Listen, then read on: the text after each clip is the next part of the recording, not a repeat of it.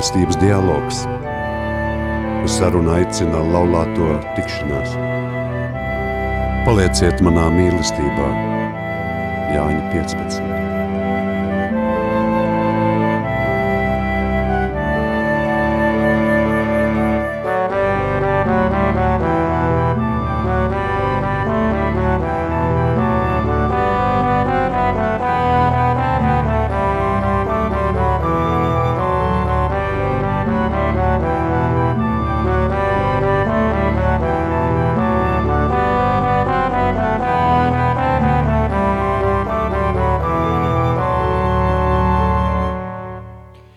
24. februāra rītā liela pasaules daļa pamodās citā pasaulē.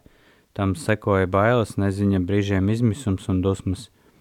Labvakar jums kopā ir laulāto tikšanās raidījums mīlestības dialogs, un mēs, Edgars un Sigita. Šoreiz mēs vēlamies pieskarties smagai tēmai, kā tikt galā ar šo situāciju, kurā esam nonākuši, kā izrunāt šī brīža bailes, stresu, neziņu, dusmas, arī kā to visu runāt ar bērniem. Katrs krīzes brīdis izdzīvo citādāk, tāpēc, lai mūsu un jūsu dialogs gan šajā smagajā brīdī, gan arī citos dzīves brīžos noritētu pēc iespējas kvalitatīvāk, aicinam arī jūs sekot šiem dialoga pamatprincipiem. Vairāk klausīties nekā runāt, dalīties, nevis diskutēt, saprast, uh, ne, nevis vērtēt un pāri visam piedot.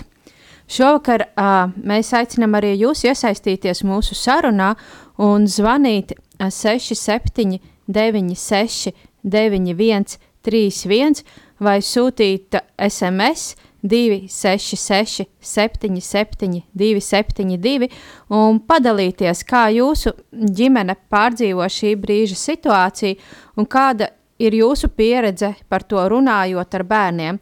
Varbūt jums ir kādi praktiski ieteikumi citām ģine, ģimenēm, kā nenovest sevi līdz izmisumam, bet šovakar mēs sarunāsimies ar klinisko psiholoģi māsu Inesi Lietuvieti. Labvakar! Labvakar! Varbūt nedaudz iepazīstiniet ar sevi. es uh, strādāju mm, arī vidē, kur, var teikt, katru dienu notiek kaut kādas mazas krīzes. Tā ir bērnu slimnīca. Un uh, bieži vien arī tur tieši mēs redzam cilvēkus, kas piedzīvo krīzi. Šobrīd, diemžēl, mēs visi nedaudz esam šajā situācijā. Varbūt sāksim ar to, kā mēs varam izdzīvot šī brīža situāciju, kādas tās jūtu, emociju gammas mūsos var virmot un kā tas viss varbūt ir vērtējams, ja tas ir vērtējams laikam nav vērtējums. es domāju, ka varbūt atturēsimies no vērtējumiem, vienkārši pieņemsim to, kā mēs šovakar jūtamies. Iespējams, ja mēs satiktos ar šo sarunu pirms 18 dienām, mums būtu pavisam savādāka saruna. Uh, šis laiks, šīs vairāk kā divas nedēļas mums ir jau devis tādu mazliet ieskatu kara norisē. Mēs esam papildinājuši savu informāciju. Ehm, nekādas prognozes par nākotni neviens mums nevar dot, bet tomēr nu, tā, tā informācija ir vairāk nekā pašā sākumā. Un iespējams arī mēs mazliet aprodam ar šo situāciju. Nu, ieslēdzas kaut kāds cits posms nekā pirmajās dienās. Un, um, šobrīd varbūt ir arī šīs um, skaistās iniciatīvas palīdzēt Ukraiņas iedzīvotājiem šis izvirzās priekšplānā.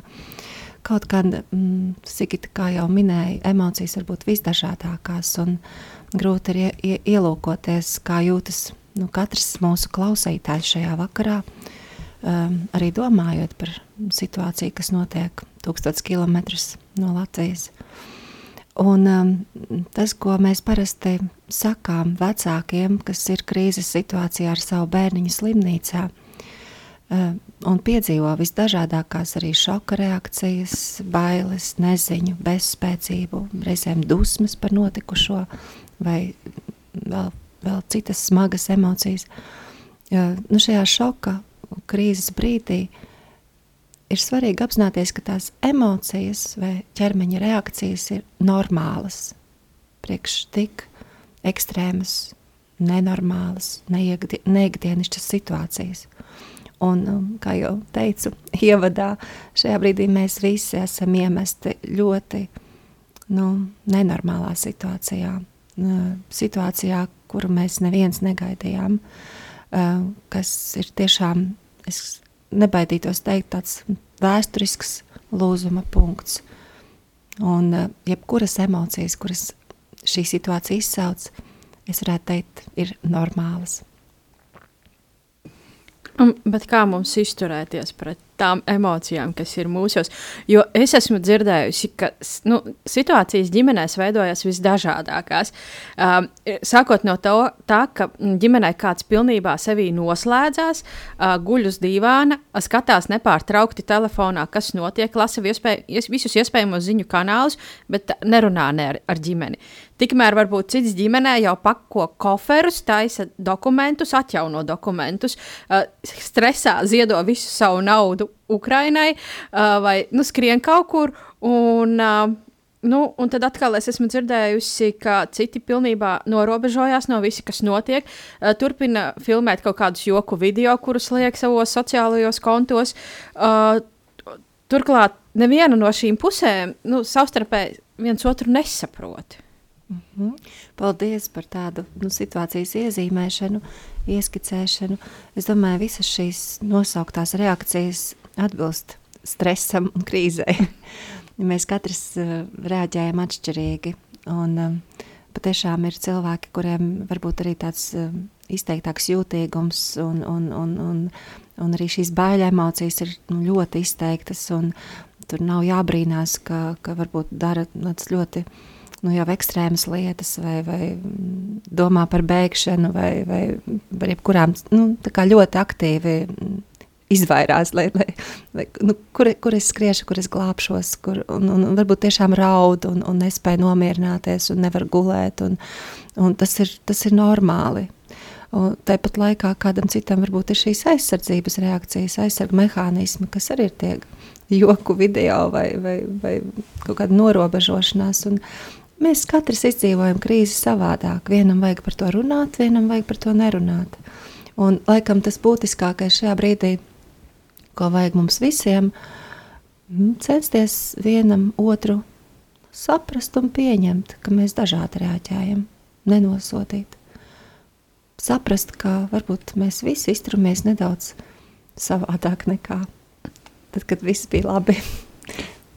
Bet no tāda teiksim, tā veselības profilakses eh, garīgās viedokļa, kāda ir vispareizākā attieksme pret šo situāciju? Jo varbūt galēji pilnīgs ignors pret to, pilnīgs stress un nu, pa vidu kaut kur. Es domāju, ka es, es, es atturētos laikam spriest, kas ir vislabākais. Mēs esam dažādi, un vienam labākais būs uztraukties un, un kravāt koferi, ja, zvanīt radiem un, un, un plānot izbraukšanu. Citam varbūt būs tieši pretēji. Nu, turpināt savus ikdienas darbus, iet, iet uz darbu, rūpēties par bērniem, dzīvniekiem un vispārējo. Uh, es teiktu, nu, nav šīs pareizās reakcijas. Uh, emocijas drīkst būt visdažādākās. Gan bailes, gan dusmas, gan, gan es nezinu, nu, jebkās bezspēcība. Bet um, tas, kas no tādas veselības viedokļa mums ir būtiski, lai, lai šīs emocijas mums uh, ļauj turpināt dzīvot, funkcionēt. Uh, ja viņas kļūst pārāk stipras, pārāk intensīvas, kā invalidizē mūs, mēs nevaram vairs pastrādāt, mēs nevaram gulēt, mēs pārstājam rūpēties par sevi vai par saviem tuviniekiem, saviem bērniem. Uh, tad ir, eh, tad ir kaut kas jādara. Tad tas nav vairs tā labi. Ja? Bet, ja tas netraucē, mēs drīkstam patiešām izdzīvot to, kā mēs, mēs šobrīd jūtamies. Un droši vien tas jautājums, ko darīt tad, kad, eh, kad ir par daudz, vai ne? Es domāju, nu, ja runa par bailēm, nu, šajā brīdī es, es negribētu kādu nosodīt vai teikt, nu, baidies mazāk, jo tā realitāte ir tāda, kāda ir. Un, un, neviens nevar garantēt, ka viss būs labi, ka mēs izvairīsimies no ciešanām. Nu, to nevar apsolīt neviens. Un dzīve pēc būtības nav nu, garantīta tam, ka, ka dzīve būs viegla vai, vai, vai nesāpīga. Varbūt grūtāk ir tad ir šīs dusmas vai tāds aizkaitinājums, un ka mēs ļoti viegli aizsvilstamies un rodas konflikts situācijas. Uh, jo ir mūsos spriedze, ir kaut kāds nemieris, bailes, diskomforts, kaut kāda iekšējais saspīlējums, un tad ļoti viegli ir aizsvilties un izgāzt dusmas kaut vai par kaut kādām ikdienišķām lietām, par ko mēs varbūt mierīgākos apstākļos nestrīdētos. Nemaz nerunājot jau par viedokļu atšķirībām. Un šeit būtu svarīgi sajust to savu dusmu, e, to potenciālu, vai, vai šīs dusmas, kas jau traucē man dzīvot, un pajautāt sev, vai tas iemesls, kāpēc es dusmojos šobrīd uz to otru cilvēku, vai, vai nezinu, laulāto draugu, vai bērnu, vai, vai kolēģi, uh, vai viņš ir um, nu, atbilstošs situācijai, vai, vai tās manas dusmas ir atbilstošas situācijai, vai varbūt es dusmojos par daudz, jo man ir šī dusmu spriedze. Un tas varbūt ir tā grūti, nu, paiet solīti malā, pavērot sevi, savas reakcijas un, un pajautāt sev, vai emocijas un, tā, un to intensitāte, ilgums atbilst faktiem. Tāpat laikā, es domāju, arī ar bailēm mazliet ir līdzīga, jo mēs varam būt ļoti nobijušies no, no, no kara, no uzbrukumiem, no atomu draudiem. Um, skatāmies mēdījus un, un, jau redzam, nu, ka tanki brauc, vai bumbas tiek mestas, mājas tiek sagrautas. Um, bet ir varbūt ir vērts arī, nu, es teikšu tā, varbūt vienkāršoti, nu, iziet ārā un paskatīties, nu, kā izskatās šobrīd debesis, kā izskatās koki, mājas. Ja? Nu, ka daudz kas liecina par to, ka nu, mēs esam patiešām pasargāti. Tā kā fakti nav, neliecina par to, ka vajadzētu tik ļoti baidīties. Un tas, kā, to savu emociju salīdzināšanu ar faktiem nereti palīdz kā, apstāties. Un otra lieta – Uh, nē, ja tas atbilst faktiem, nu, piemēram, dusmām ir savs mērķis. Um, nu, mm, pieņemsim, kāds, kāds kaut ko nedara, vai mums ir jāpasargā savas robežas, vai mēs negribam, lai kāds mums dara pāri. Un mums ir svarīgi tajā brīdī teikt, nu, beidz, lūdzu, pārstāj, tas nav labi, man tas nepatīk. Un, un tad tās mūsu dusmu reakcija ir ļoti adekvāta, jo tas palīdz mums noturēt to robežu, lai nekāp iekšā manā dārziņā. Bet, ja šīs dusmas jau kļūst tādas ļoti nu, lielas un neatbilstošas situācijai, neatbilstošas faktiem, tad es saku, ir vērts nu, to atzīt un uh, pajautāt sev, ja es tagad iešu dusmu pavadā, uh, vai tas, uh, bet tad mana rīcība būs efektīva. Nu, es tagad pateikšu visu, ko es domāju. Tur partnerim, vai priekšniekam, vai uzkliekšu bērniem, kuri nav istabu sakārtojuši. Vai šī mana uzvedība, dusmu rezultātā būs efektīva, vai es kaut ko labu sasniegšu ar to, vai es kaut ko izmainīšu. Un, ja nē, tad varbūt ir vērts padomāt, kā es varu pārslēgties uz citām emocijām. Un tas patiešām ir ļoti interesanti, ka mm, mūsu ķermenis ir uh, darbojas ļoti nu, kā vienota sistēma. Un, ja, ja mēs jūtam kādas konkrētas dusmas, tas atspoguļojas ķermenī. Nu, piemēram, bailēs mēs sastingstam, liekas, ka nu, sastingstam no, no, no bailēm. Ja? Dusmās savukārt ir karstums, tāds nu, svelme, pilnīgi citādāk izskatās ķermeņa pozīcija. Un, un tad, ja mēs tajā dusmu brīdī spējam tā, to piefiksēt un uh, pamainīt mazliet savu ķermeņa pozīciju, mazliet varbūt atmaidzināt seju, mazliet pasmaidīt, tādā, kaut vai nu, lai lūpu kaktiņa kaut nedaudz paceļas. Iespējams, ka mūsu tā pirmā impulsa reakcija mazināsies, un mēs vairs neklieksim tik skaļi uz to savu tuvinieku. Un tādā veidā ir tāds aicinājums reizēm rīkoties pretēji savai emocijai. Ja tev ir ļoti liels dusmas, nu kaut kas ir izsaucis šīs dusmas, pakāpies solīti atpakaļ, pakāpies kā, mazliet nomierinies, izelpo. Varbūt mēģini runāt ar to cilvēku nu, mierīgāk, klusāk, nu, mazliet tik, tik, tik, cik ir iespējams, nepārspīlējot. Vai, nezinu, ja tas ir ļoti nobijies, varbūt mēģini rīkoties tā, it kā tu nebūtu nobijies, vai tāds, nu, tas ļoti nemierīgi, nu, lielā nemierā, varbūt darbojies mierīgāk. Ja? ja tu ļoti, ļoti sasteig, nu, steidzies vai ļoti lielā tādā nemierā iekšējā, pamēģini darīt lietas mierīgāk. Un jau tāda viena maza pārslēgšanās vai cenšanās darīt pretējo emociju var pamainīt to mūsu emocionālo um, nu, iekšējo sajūtu. Es tā ļoti gari skaidroju, varbūt, bet pati būtība man šķiet arī ir um, nu, piedzīvot tās emocijas un atpazīt viņas, nevairīties un nekritizēt sevi par to, ka mēs jūtamies nu, tā, kā jūtamies. Un otrs, varbūt turēt acu priekšā, um, ko tad es varu darīt šajā brīdī. Ja? Varbūt ne tik daudz raizēties par sevi, savām emocijām vai par nākotnes scenārijiem, bet varbūt šodien es varu nu, kaut ko izdarīt, nezinu nu, nopirkt to ēdienu vairāk, vai nomazgāt logu, vai, vai sagatavot istabiņu kādam ukrāņu bēglim, ja pārskatīt, kādas man ir dvieļi, vai, vai palagi, vai segas, ko tad es viņam iedošu. Ja? Darīt kaut ko vairāk nekā nu, raizēties par to, ka mēs jūtamies tā vai savādāk. Bet varbūt vienkārši aiziet pastaigāties vai paspē, paspēlēties ar bērniem, uzspēlēt kādu spēli mājās. Pilnīgi noteikti. Protams, ka pirmajās dienās mēs katrs jutām tādu iekšēju sajūtu, vai es drīkstu nu, tā, darīt kaut ko patīkamu, tad, kad cilvēki tur Ukrainā tiek bombardēti, sēž pagrabā un varbūt viņiem nav ko ēst vai vienalga.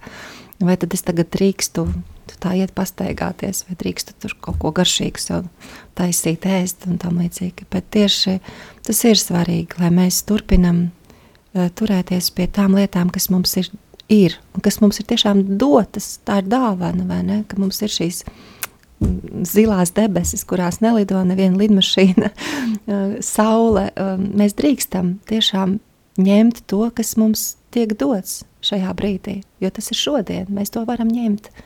Un, un noteikti mm, pēc iespējas arī turēties pie tā, ko mēs varam dot saviem tuvākajiem. Jo mm, tas arī šī došana, palīdzība, viņa um, ir lab, viena no labākajām stratēģijām, kā mazināt iekšējo trauksmu un bailes un pārslēgt sevi. Un dot jau ir vienmēr, vai ne? Vai tas ir bērns, kuram vajag palīdzēt mājas darbu izpildīt, vai ģimene, kam jāuztaisa pusdienas, vai suns, kas jāved pastaigāties, nu mums ir par ko rūpēties vai jāpiezvana tuviniekiem. Bet pie reizes, kā, kā būtu labāk izturēties pret to informāciju? Jo man liekas, šis konflikts ir ļoti īpašs ar to, ka agrāk tās ziņas pienāca ļoti lēni, tad tagad praktiski viņas pienāk nu, gandrīz tiešsaitē ar kaut kādas stundas nobīdi. Gandrīz, mēs relatīvi tik daudz zinām, visādas kartes redzam, visas tos video, ko liek tīklos un tā tālāk. Kā pret to izturēties, teiksim, aktīvi vai ne? Vai tieši nu, ja tās, piemēram, dusmas vai nespēks rodas no tā visa, vai, eh, vai tā ir mūsu morālais pienākums to visu skatīties un zināt, vai mēs kā, labāk eh, sevi saudzot, eh, neskatāmies, vispār neinteresējamies, kā tā, tas modelis. Mm -hmm. Tomēr nu, tā, nu, mhm, teiksim, no, mm -hmm. no tāda. Uh, kā lai saka, ne no pieklājības viedokļa, bet no tāda mm -hmm. no apzinīga pilsoņa mm -hmm. viedokļa. Mm -hmm. Es domāju, ļoti labs aspekts. Jo tas nav tikai par to skatīties ziņas vai neskatīties ziņas. Nu, protams, ka jo mazāk mēs skatāmies, vai nu, mazāk kā, nu, čekojam līdzi, ja, vai, vai, vai jau kaut kas nav pamainījies, vai tur kaut kas nav vēl tuvāk piebraucis tas tanks, vai varbūt jau Latvija kaut nu, kā tāda nepārtraukta sevis uzjundīšana, īpaši vakaros, kad ir jāiet gulēt, nu, loģiski, ka tas nepalīdz nu, kā, nu, atslābināties, un es domāju, nu, katrs tur varbūt sapnī jau ir redzējis, ka karš ir sācies, vai ne? Es tanku esmu redzējis, ja, sapnī. Uh, jā, bet es sadzirdēju šajā Edgara jautājumā ļoti svarīgu aspektu par to morālo jomu. Ja es esmu kā, nu, empātisks, līdzatbildīgs uh, cilvēks, varbūt man ir jāskatās tās ziņas tā vairāk. Ja? Bet es domāju, ka tas ir mazliet līdzīgi tā mūsu iekšējā sajūta par to, vai es drīkstu nu, tagad, kad tur Ukrainā ir slikti, nu, priecāties. Ja? Iet siltā vannā vai spirti braukt vai nu, uz restorānu iet, nu, nu kā, kāpēc? Ja? Viņiem tur ir grūti. Varbūt man ne, es nedrīkstu to darīt. Ja? Nu, mums ir tādas iekšējās tās sajūtas. Un es domāju, nu, tas, ka mēs sekosim līdzi tā ļoti intensīvi šīm ziņām, nu, katru dienu rūpīgi lasot visu, ko var izlasīt un apskatot visas iespējamos video no, no frontes, nu, tas īsti nepalīdzēs Ukraiņas iedzīvotājiem. Jā, bet tas būtu no otras, otru galēji, bet, piemēram, vispār nezināt neko, liekas, tad, nu, ņemot vērā, ka ir tie tiešām tie tūkstoši kilometri, būtu tā kā mazliet arī kaut kā neīsti, vai ne? Es domāju, vai ir iespējams neko nezināt. Jā, varbūt, bet, nu, it kā, nu, tīri teorētiski var tādu sienu uzbūvēt sev apkārt. Grūti iedomāties. Mūsdienās, ja tikai man ir kāds cilvēks, kas man ir blakām dzīvo, un es domāju, ka noteikti mēs jau dzirdēsim. Nu, kaut kā tāda sajūta. Es nezinu, man vismaz tāda sajūta, ka uh, katrā sarunā šobrīd mēs runājam par šo. Es, uh, es tiešām nesakoju līdzi mēdījiem, bet es tik daudz uzzinu no cilvēkiem. Katrs kaut ko ir redzējis, kādu video vai kādu stāstu. Es arī esmu kaut ko redzējusi.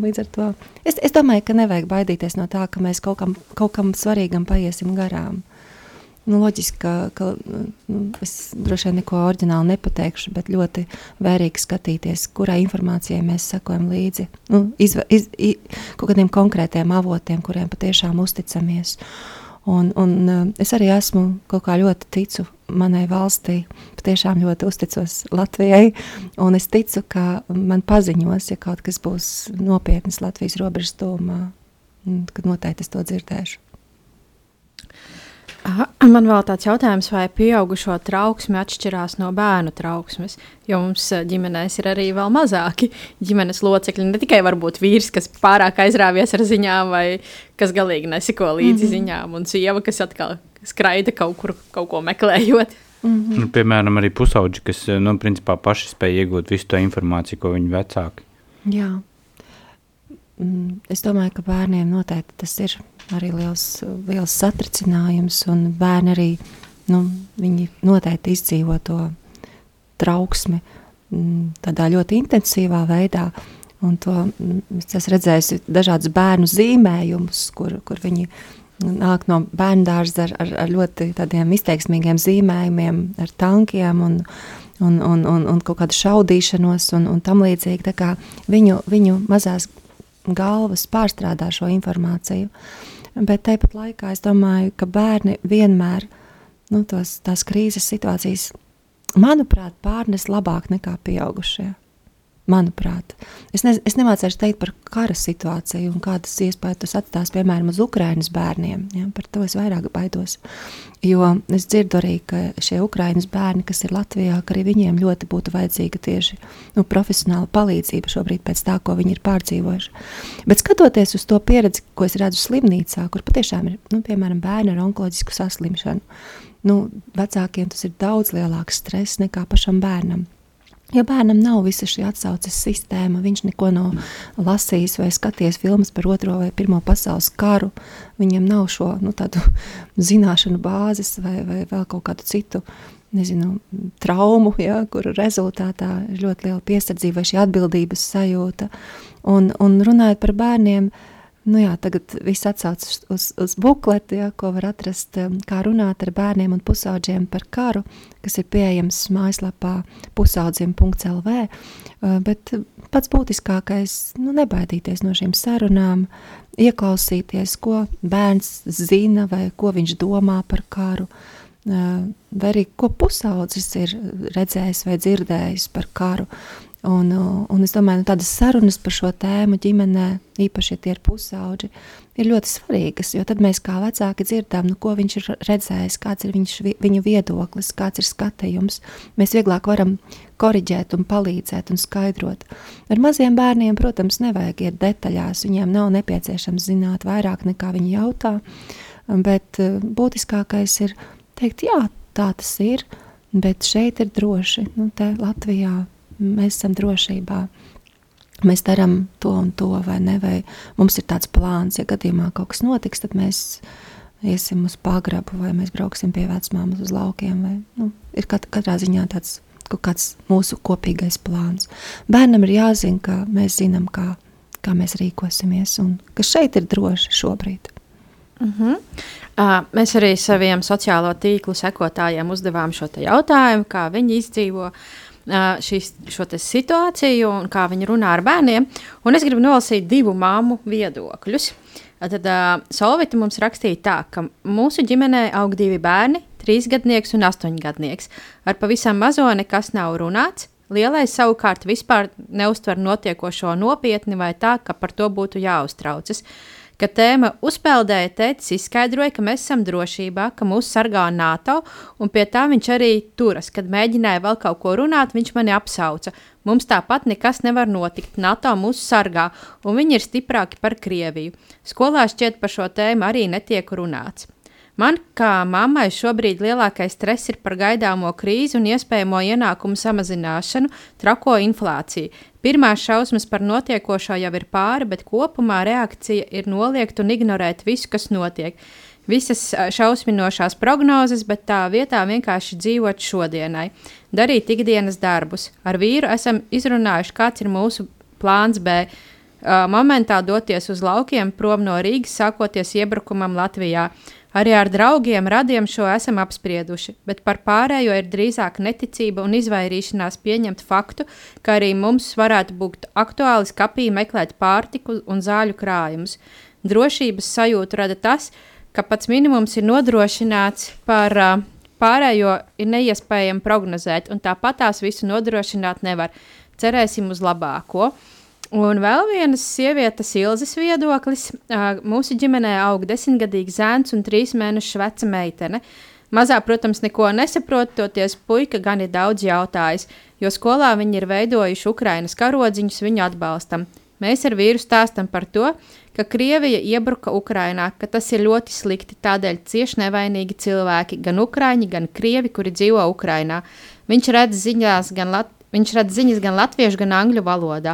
Uz jautājumu par Latviju atbildam, ka mēs esam drošībā, ka esam NATO un ka pati Krievija, pateicoties daudzajām sankcijām, kļūst vājāka un vēl ļoti ilgi nevarēs karot. Viņā lielu satraukumu nemanam. Un tāds ir šo māmu viedoklis, bet es domāju, ka tagad mēs varētu paklausīties vienu dziesmu atpūtai un tad turpināt mūsu sarunu.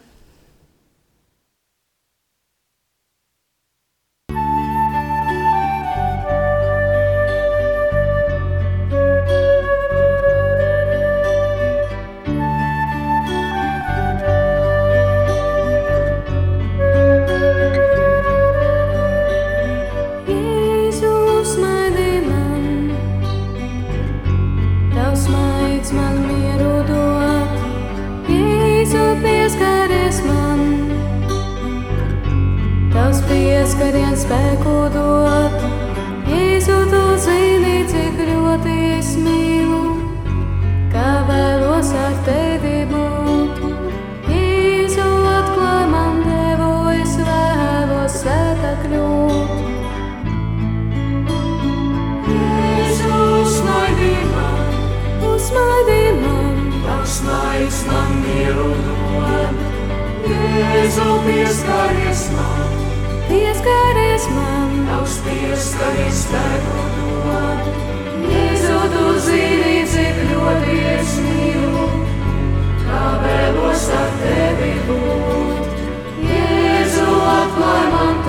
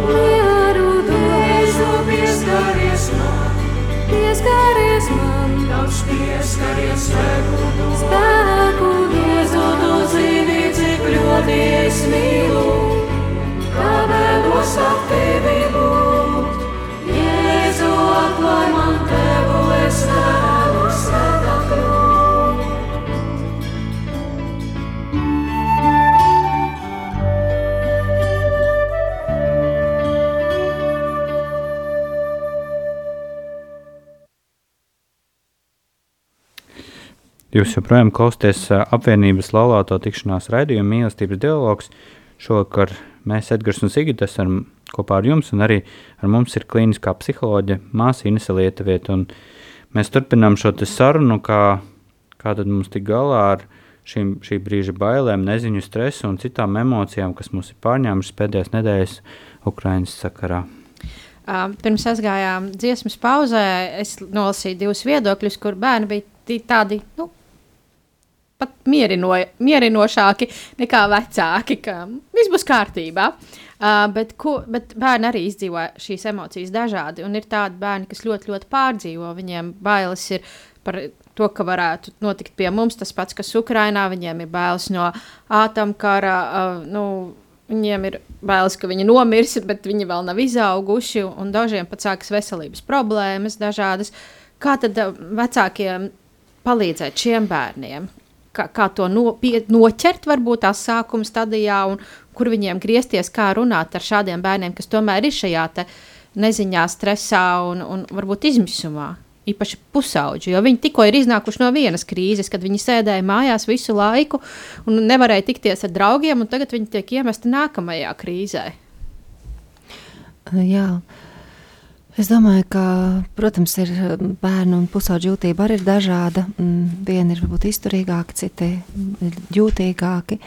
Bet mana pieredze ļauj domāt par to, ka eh, pirmkārt ir jāstrādā e, ar viņu vecākiem vai viņu atbalsta personām, nevis ar pašiem bērniem un, un pusauģiem. Jo, jo Jo, ja vecāks ir mierīgāks, arī viņa bērns ir mierīgāks. Tomēr tur ir ļoti liela šī diādiskā iedarbība. To es redzu slimnīcā. Pirmkārt, palīdzēt vecākam atgūties, nomierināties, un tad bērns arī nomierināsies. Jo bērns tomēr skatās uz vecāku kā uz uh, nu, šo sargājošo, atbalstošo drošības ostu. Un, un, ja vecāks pats ir izmisumā, un, un nemierā un haosā, un, un dezorientācijā, un tad bērnam nav, nu, nav kur tverties, nav pie kā vērsties. Mēs nomierinamies tad, ja mums ir blakām cilvēks, kurš saka, nu, ka es tikšu galā. Mm? Man ir ideja, kā to izdarīt. Es domāju, ka bērni nav vainīgi. Drīzāk tas ir mūsu pieaugušo uzdevums, kā būt viņiem blakām ar, ar iedrošinājumu. Un, un vienmēr, nu, tad, kad mēs vairs nezinām, ko darīt, un ir trauksme, vienmēr ir, mēs vienmēr varam domāt, nu, ir tā, kas ir tā lieta, kas varētu mazliet palīdzēt novērst to slikto scenāriju. Protams, karš nav Covid. Ja? Covid bija diezgan vienkārši. Izrādās, ka tā nebija tik liela problēma. Tur pietika ar to, ka mēs vakcinējāmies un lietojām maskas ievērojām distancēšanos, un to mēs varējām kontrolēt, ja vēlējāmies. Šo, šo situāciju ir grūti kontrolēt, un tā ir mūsu bezspēcība. Uh mhm. -huh. Bet tāpat laikā, nu, ja mēs varam kaut ko izdarīt, nu, kaut vai iepirkt to pārtiku, vai, vai sagatavot to 72 stundu somu, vai izpētīt kaut kādas iespējas, vai darīt kaut ko, uh, un arī iesaistīt bērnus un pusauģus šajā plānā, plānošanā, tad, tad noteikti tas, tas, tas dod viņiem arī kaut kādu atbalstu. Bet uh, es teiktu, pirmkārt, vērst, vērsties pie mums kā pieaugušajiem, stiprināt pieaugušos, un tad arī bērni saņems atbalstu. Mums tieši ir vienas mammas viedoklis tieši saistībā ar šo pusauģu uztraukumu. Un tas ir tāds, esam ģimene, kurā aug pieci bērni. Divi vecākie jau dzīvo atsevišķi no mums. Mūsu vidējais dēls, uh, kuram šobrīd ir 16 gadi, jau labu laiku pirms šī neprātīgā kara sekoja līdzi notikumiem, kas saistīti ar Krievijas agresīvo rīcību. Viņš visu laiku teica, ka visdrīzāk Krievija iebruks atkal Ukrainā. Arī vīrs intensīvi sekoja šiem notikumiem. Es, mamma, cerēju līdz pēdējiem, ka tā nenotiks. Protams, kad sākās karš, radās liela neziņa, nedrošība un bailes. Kā varam, tā palīdzam. Gat Galvenokārt ziedojot naudu un mantas, esam gatavi arī uzņemt bēgļus. Visvairāk nākas runāt par karu ar 14 gadus veco meitu. Viņa ļoti sāsināti uztver šo visu, jo, cik noprotu, TikTok platformā, kurai viņa seko līdzi, informācija ir dažāda. Meita bija ļoti satraukusies, kad atomelektrostacijā Ukrainā izcēlās ugunsgrēks, jo viņa vēl neesot gatava mirt Nākas daudz meitai stāstīt, ka šobrīd mums nav par ko uztraukties, jo esam NATO dalība valsts. Mūsu jaunākais dēls, kuram ir pieci gadi, šad tad pajautā, kas tur televizorā notiek. Atbildam, ka tur notiek karš, ka cilvēki mūk no mājām, citi slēpjas pagrabos, ka ļoti cieši un ir nobijušies. Viņš arī labprātīgi deva savus drēbītes, kuras jau ir kļuvušas par mazu, kopā aizvedām saziedotās mantas. Spēlējoties ar klučiem, bieži saliek Ukrainas karogu. Runājot par karu ar bērniem, cenšamies ārēji būt mierīgi, kaut arī iekšēji jūtamies pretēji. Esam vienojušies, ko darīsim, ja Latvijai draudēs briesmas. Šīs sarunas, lēmumi un kopīga darbība dod iespēju bērniem ikdienu izdzīvot mierīgāk. Brīnišķīgi ieteikumi. Jā, jo nu- darbošanās, arī zīmēšana. Es, es daudzus bērnus esmu redzējis, kas zīmē kaut ko Ukraiņai. Vai, tas, tas ir ļoti nu, brīnišķīgs veids, kā, kā tieši bērni var izrēģēt šīs spriedzes emocijas. Jā. Mm -hmm. Es gribētu vēl nolasīt vienu viedokli. Jo šoreiz tiešām mūsu sociālo tīklu sekotāji bija aktīvi, un man ir iekrājušies ļoti daudz tādu viedokļu no ģimenēm, jo liekas, ka nu, katra ģimene to izdzīvo ļoti, ļoti dažādi, bet tāpat laikā visur tāds jūtams tā, tāds bailes iekšā. Uh, Līga mums raksta, ka mūsu bērni jau ir lieli, 20 un 16 gadi. Labi saprot, kas notiek, paši seko līdzi pieejamai informācijai. Svarīgi saglabāt vēsu prātu un realistisku skatu, tādēļ pārunājot ģimenē šīs aktualitātes, apbrīnojam Ukrāņu nācijas drosmi un cīņas sparu, spriežam, vai mēs Latvijā spētu būt tik saliedēti un drosmīgi, domājam, kā paši glābtos un kā sevi pasargātu, uzsveram, ka notiekošajā, notiekošajā vainojams konkrēts režīms, nevis kāda etniska grupa. Tādēļ svarīgi nekurināt naidu un būt mierīgiem tepat Latvijā, ar mūsu līdzcilvēkiem. Dēls rudenī sāka skolā apgūt aizsardzības mācību, kas ir fakultatīvs priekšmets. Vēlāk iestājās arī jaunsardzē. Tā bija viņa paša izvēle. Mūsu kā vecāku pat nedaudz. Mūs kā vecāks pat nedaudz pārsteidza, jo kaut kad iepriekš bijām par to runājuši, un nekādu lielo interesi par jau, jaunsardzi viņš tad neizrādīja. Tagad, Ukrāņu kara dienās, viņš man reiz jautāja, Ko tu teiktu, ja es pieteiktos kā brīvprātīgais karam Ukrajinā? Uz brīdi pat samulsu, tad atbildēja, tev ir 16 gadi, tu nemaz nedrīksti, dēls, bet ja man būtu 18, es, tu tad būtu jau pieaudzis un pats varētu izlemt, bet tu redzi, kas tur notiek, tur vajadzīgi cilvēki ar kaujas pieredzi. Saruna mani pārsteidza nesagatavotu, nebiju iedomājusies, ka dēls vispār tādu iespēju apsvērtu. Daļa manis kā mātes iekšējā reaģēja nē, nekādā gadījumā, bet no otras puses labi saprotu, ka kādam sabiedrībā ir arī jāupurējas, lai visi varētu dzīvot mierā. Katrā ziņā bija pārsteigti, ka mans dēls, kā jauns topošs vīrietis, šādi pārdomā savu iespējamo rīcību krīzes situācijā, bet tas lika aizdomāties, kā es pati kā māte reaģētu, ja tāda situācija būtu reāla. Paldies Līgai par šo viedokli, jo es, kad lasīju, tad man arī bija tāds apstulbums. Nu, nu kā, nu, 16 gadi bērns taču tomēr. Ļoti aizkustinoši. Es domāju, tas tiešām ir kaut kas ļoti aizkustinošs. Un, Līga jums ir brīnišķīgs dēls. Bet, uh, tagad es gribētu sarunu pabīdīt nedaudz citā virzienā.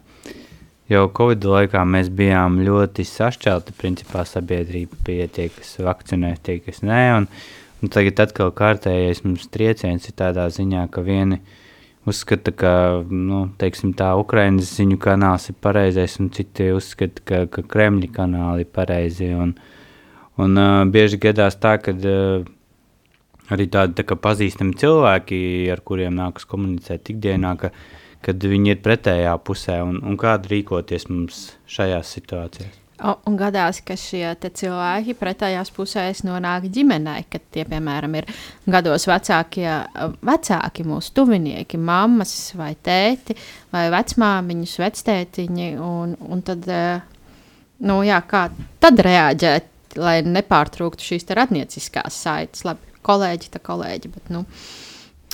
Jā, paldies par šo aspektu. Eh, es arī esmu saskārusies, eh, arī runājot ar, ar klientiem, ka ir kaut kādi ģimenes locekļi, brālis, kas liek ļoti nepiemērots video ja, Facebookā un, un, un, un ir pilnīgi pretējās domās nekā visa ģimene vai vēl kāds cits radinieks. Uh, domājot par šo, es pati nonācu pie jocīgas atziņas, ka nu, es saku paldies Covidam, ka es jau iepriekš redzēju, cik ļoti dažādi mēs varam interp interpretēt vienu un to pašu realitāti, un, un katrs palikt pie savas. Un, manuprāt, priekš manis tas bija tāds lielākais atklājums un atziņa no Covid laika, un arī tāda, nu, tāds arī kaut kāda veida padošanās citu cilvēku viedokļu mainīšanā, jo, nu, to es kā mēģināju kādu laiku, uh, ak, nu, kā, jā, tur ar pierādījumiem no medicīnas, kāpēc vajadzētu vakcinēties, bet pēc tam es sapratu, ka nav iespējams pārliecināt cilvēkus, kuri ir pret šo. Un, um, un um, nu, tas arī veidoja tādu atziņu, ka nu, es vakcinējos, un tu nevakcinējies. Uh, un, nu, nu, es, es uzskatu, ka ir pareizi vakcinēties, bet es mīlu tevi, kurš nevakcinējas. Kas, protams, ir ārprātīgi grūti. Tā ir cilvēciski, varbūt nepiekrītot otra cilvēka viedoklim, viņu turpināt nu, cienīt un mīlēt. Protams, ka zināmā mērā mēs arī viļamies savos nu, tuviniekos, ja, kuri nu, tik ļoti savādāk domā. Un es teiktu, varbūt tā ir daļa no dzīves, ka nu, cilvēkos mēs vilsimies. Bet varbūt nevajag mēģināt viņus absolūti pārliecināt, jo varbūt tas nav nepieciešams. Ja, ja man ļoti ir grūti komunicēt ar kādu draugu vai radinieku, kurš no agresīvi pauž ļoti pretēju nostāju, un es zaudēju spēkus ar viņu diskutējot, vai, vai uzvelkos, vai, vai kļūstu ļoti nikns un nelaimīgs, es ieteiktu varbūt tomēr nu, mazliet viņu paiet malā un neklausīties vai nekomunicēt par to tēmu. Nu, nedariet sev pāri. Mēs katrs drīkstam domāt tā kā mēs domājam, un cieniet paši sevi un neklausieties, ko saka jūsu tuvinieki, kas domā pilnīgi atšķirīgi. Un, jā, varbūt tās es domāju, ka, ja ir iespējams kaut kādā veidā runāt ar šiem ļoti atšķirīgo viedokļu paudējiem, īpaši, ja jums ir svarīgas šīs attiecības, ja jums ir svarīga saikne ar viņiem, mēģinām vienmēr meklēt, kas ir mums kopīgais par ko mēs varam vienoties. Nu, sāks, sākam ar to. Varbūt tā ir kaut kāda niecīga daļa. Ja?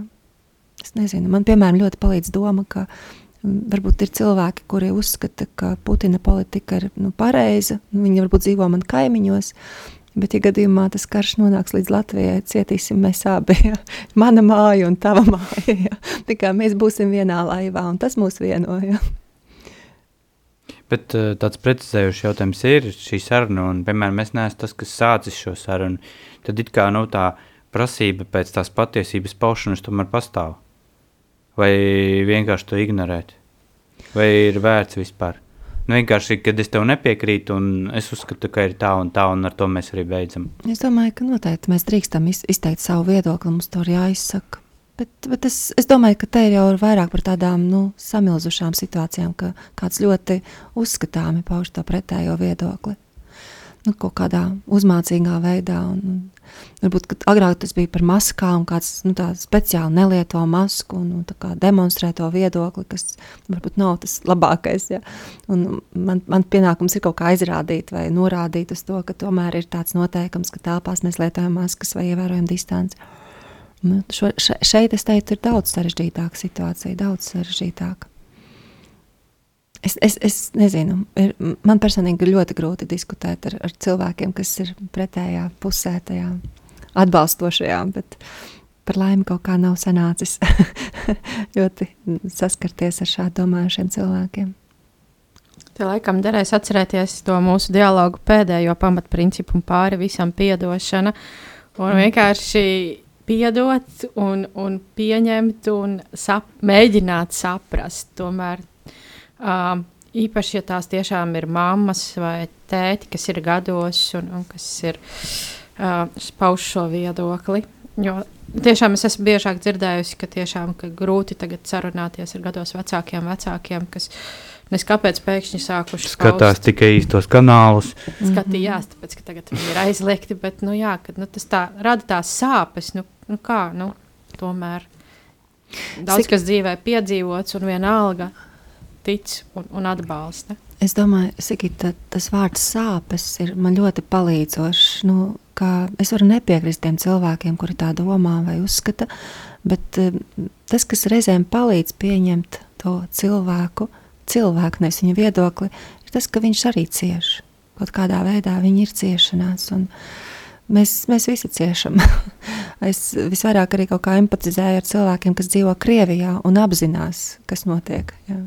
Viņi man ļoti žēl ir kas apzinās, kas notiek, bet viņi nevar izbraukt no savas valsts. Viņi nevar pamest to režīmu. Bet, nu, jā. es gribētu vēl vienu tēmu pacelt. Mums jau ir samērā maz laika, bet ar bēgļiem mēs visdrīzāk visi saskarsimies tuvākajā laikā. Un, un īstenībā mēs nezinām, ko viņi ir pārdzīvojuši, un, un mēs viņus īstenībā nesaprotam. Bet, eh, kā tomēr pret mums, pret viņiem izturēties? Nu, ne visi, protams, uzvedīsies tā, kā mēs gribēsim vienmēr. Un, un arī kā ar viņiem runāt, vai run, vērts runāt par to, ko viņi ir pārdzīvojuši, vai, vai izlikties, nu, kad nekas nav bijis, vai kā, varbūt ir kādas receptes tomēr. Paldies par šo jautājumu. Es domāju, ka tas arī ir ļoti būtisks priekš mums, ko mums tagad darīt. Ja? Jo mēs esam šajā fāzē, ka tuvākajos mēnešos mēs uzņemsim cilvēkus. Uh, no man, manas pieredzes, man nav tik liela pieredze ar bēgļiem, bet viņi ir izgājuši šausmām cauri. Viņi ir pārdzīvojuši ārkārtīgu traumu, iespēju nu, zaudēt dzīvību, nu, gājuši pa šo dzīvības un nāves asmeni, un iespējams nu, tā viņu, viņu psiha uztvere ir ļoti nu, daudz cietusi, un viņi tiešām nevar uzvesties tā, kā viņi uzvedās pirms šīs traumas. Viņi nevar būt tādi, kādi bija. Viņi ir savādāki. Un viens no tādiem varbūt pazīmēm uh, ir tas, ka cilvēki nerunā, nespēj runāt. Ja mēs uzņemam kādu savā mājā, un viņš ar jums nerunā, vai nestāsta neko, vai nesaka ne, ne labdien, ne uz redzēšanos, nu varbūt saka, bet neko vairāk nesaka, jūs varat justies nedaudz nērti vai kaut kādā veidā, ka viņš jūs ignorē, nu viņš ir atnācis te pie jums un neko ne, nekomunicē vai nekādas laipnības neizrāda, ja? neko, neko nerunā. Uh, viņi var, var tā normāla reakcija pēc tā, kas ir pārdzīvots, nespēt runāt vai vispār veidot kaut kādu komunikāciju. Es esmu arī dzirdējusi par tādiem ļoti jocīgiem, nu, tad, dažādas tādas nesaprotamas rīcības un uzvedības šajā šoka stadijā, kad cilvēks, nu es nezinu, tur viena sieviete ar bērniņu, viņa tur ko uzņēmuši mājā, viņi tur sāk piekasīties. Nu, es lietoju šo vārdu, nu, ka, nu, tur tāda švammīte nav trauku mazgāšanai, vai vēl kaut kas tur nav. Un tad tur ieraudzījusi, ka uz, uz, uz, uz tējas krūzes ir nu, tā, mm, kaut kāds tā kā kaļķakmens veidojas, un viņi jautā, vai tādu ūdeni var lietot bērna eh, barošanas maisījumu pagatavošanu. Tas likās ļoti absurds jautājums, un tad nu, cilvēks kā, nesaprotot to krīzes reakciju, viņam var šķist, nu, ka, ka viņa nav pateicīga par apstākļiem, grib vēl nezinu ko. Ja? Bet cilvēks tajā krīzes trakumā viņš ir tik dezorientēts, ka viņš var tiešām ļoti jocīgs un muļķīgs jautājums uzdot un būt ļoti pārāk piesardzīgs par visu kaut ko. Un tāpat laikā, nu, kad viņai jautā, nu, ko tev nopirkt, vai kādu ēdienu bērniņam nopirkt, vai, vai drēbītes, viņa neko neatbild, viņa nevar pateikt jo vienkārši nespēja galva plānot, nu, ko tev vajag. Un tad tāds ieteikums, nu, pieņem to, kā, kā šis cilvēks uzvedās, un ne, ne, neinterpretēt, ka tā ir kaut kāda piekasīšanās vai nepateicība. Viņa būs pateicīga līdz mūža galam, ka jūs esat viņu uzņēmis savā mājā. Un centieties vienkārši iedomāties, ko vajag šim cilvēkam vai tam bērniņam, nu, kā jums. Un, nu, negaidiet, ka viņi pateiks, ko darīt, vai, vai, vai viņi nespēja plānot ne tagad, ne, ne, ne nākotne, vismaz šajā brīdī. Un, un tās arī viņu reakcijas var būt dažādas. Ir cilvēki, kā jau teicu, sākumā mēs esam dažādi. Un vieni var runāt par karu, var stāstīt par tām, nezinu, naktīm, kā viņi tur bēga, kas tur notika. Viņiem to vajag izrunāt, un, un ir svarīgi, ka mēs to klausamies. Kādam citam varbūt pilnīgi otrādāk. Viņš dzīvo nu, tādā tā kā aizsardzības mehānismā, noliekumā un stāsta par kaut kādām, nezinu, vasaru vai, vai atpūtas, kaut kādiem braucieniem vai kaut kādiem nākotnes plāniem. Nu, nu, tā kā psihi izvairās no traumas, arī tas ir ok. Ja, tā kā jebkura, jebkura tā, tā reakcija ir ok. Un, laikam, mūsu uzdevums ir vairāk klausīties un arī ne, ne, neapgrūtināt ar liekiem jautājumiem, jo viņiem varbūt ir grūti stāstīt par to, kas ir pārdzīvots.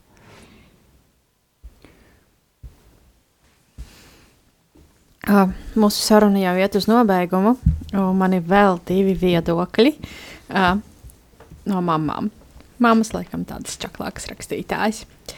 Inga raksta tā, mēs esam izvēlējušies ar bērniem par karu tiešā veidā nerunāt.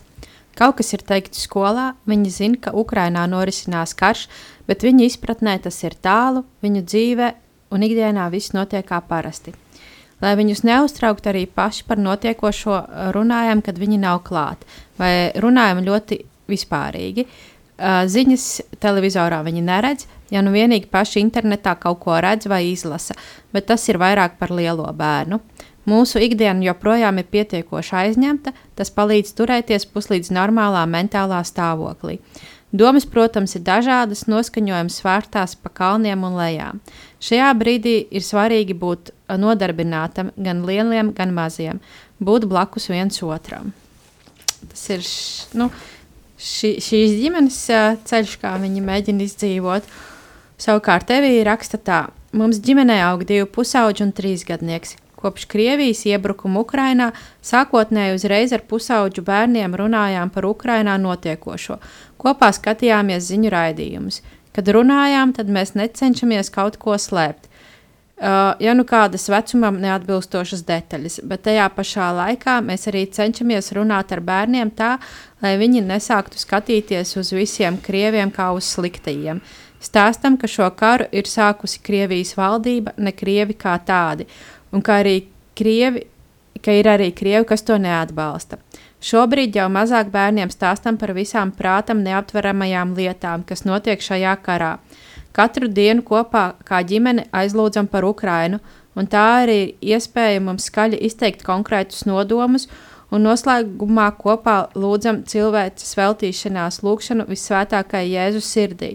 Tas palīdz pieņemt notiekošo un ielikt to visu Dieva rokās. Kā pieaugušie jūtam šoku un bezpalīdzības sajūtu par šo visu. Esam snieguši palīdzību karā cietušajiem gan ziedojumos, gan arī vīrs bija aizbraucis kā otrs šofers busam ar humāno palīdzību, atpakaļ atvedot trīs ukrāņu mātes ar bērniem. Bet ikdienā, protams, ir grūtāk koncentrēties darbam un sadzīvei. Ir tas kara fons, kuru nākas ar nopūtu uzticēt dievam. Jā. Tas no manis viss. mm. Ar šo laikam mums arī būs jābeidz raidījums.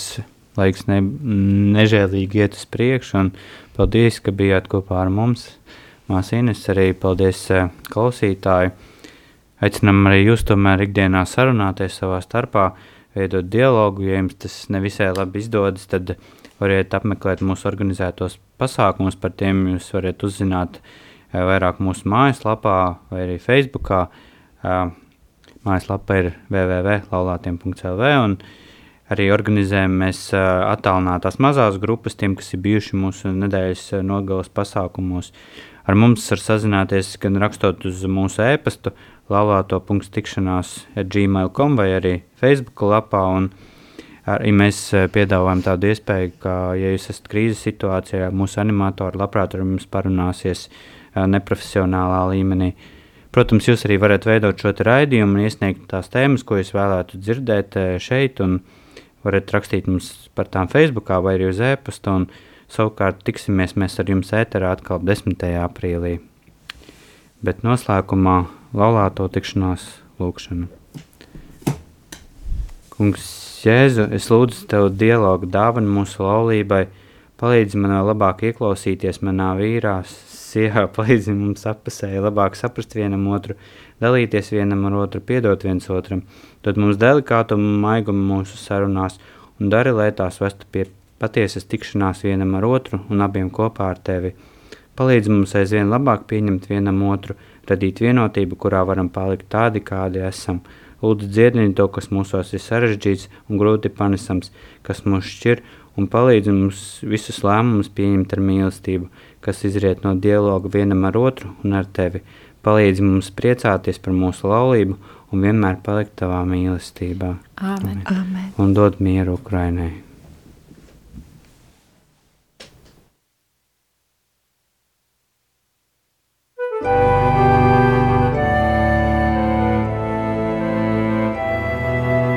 Mīlestības dialogs. Uz sarunu aicina laulāto tikšanās. Palieciet manā mīlestībā, Jāņa 15.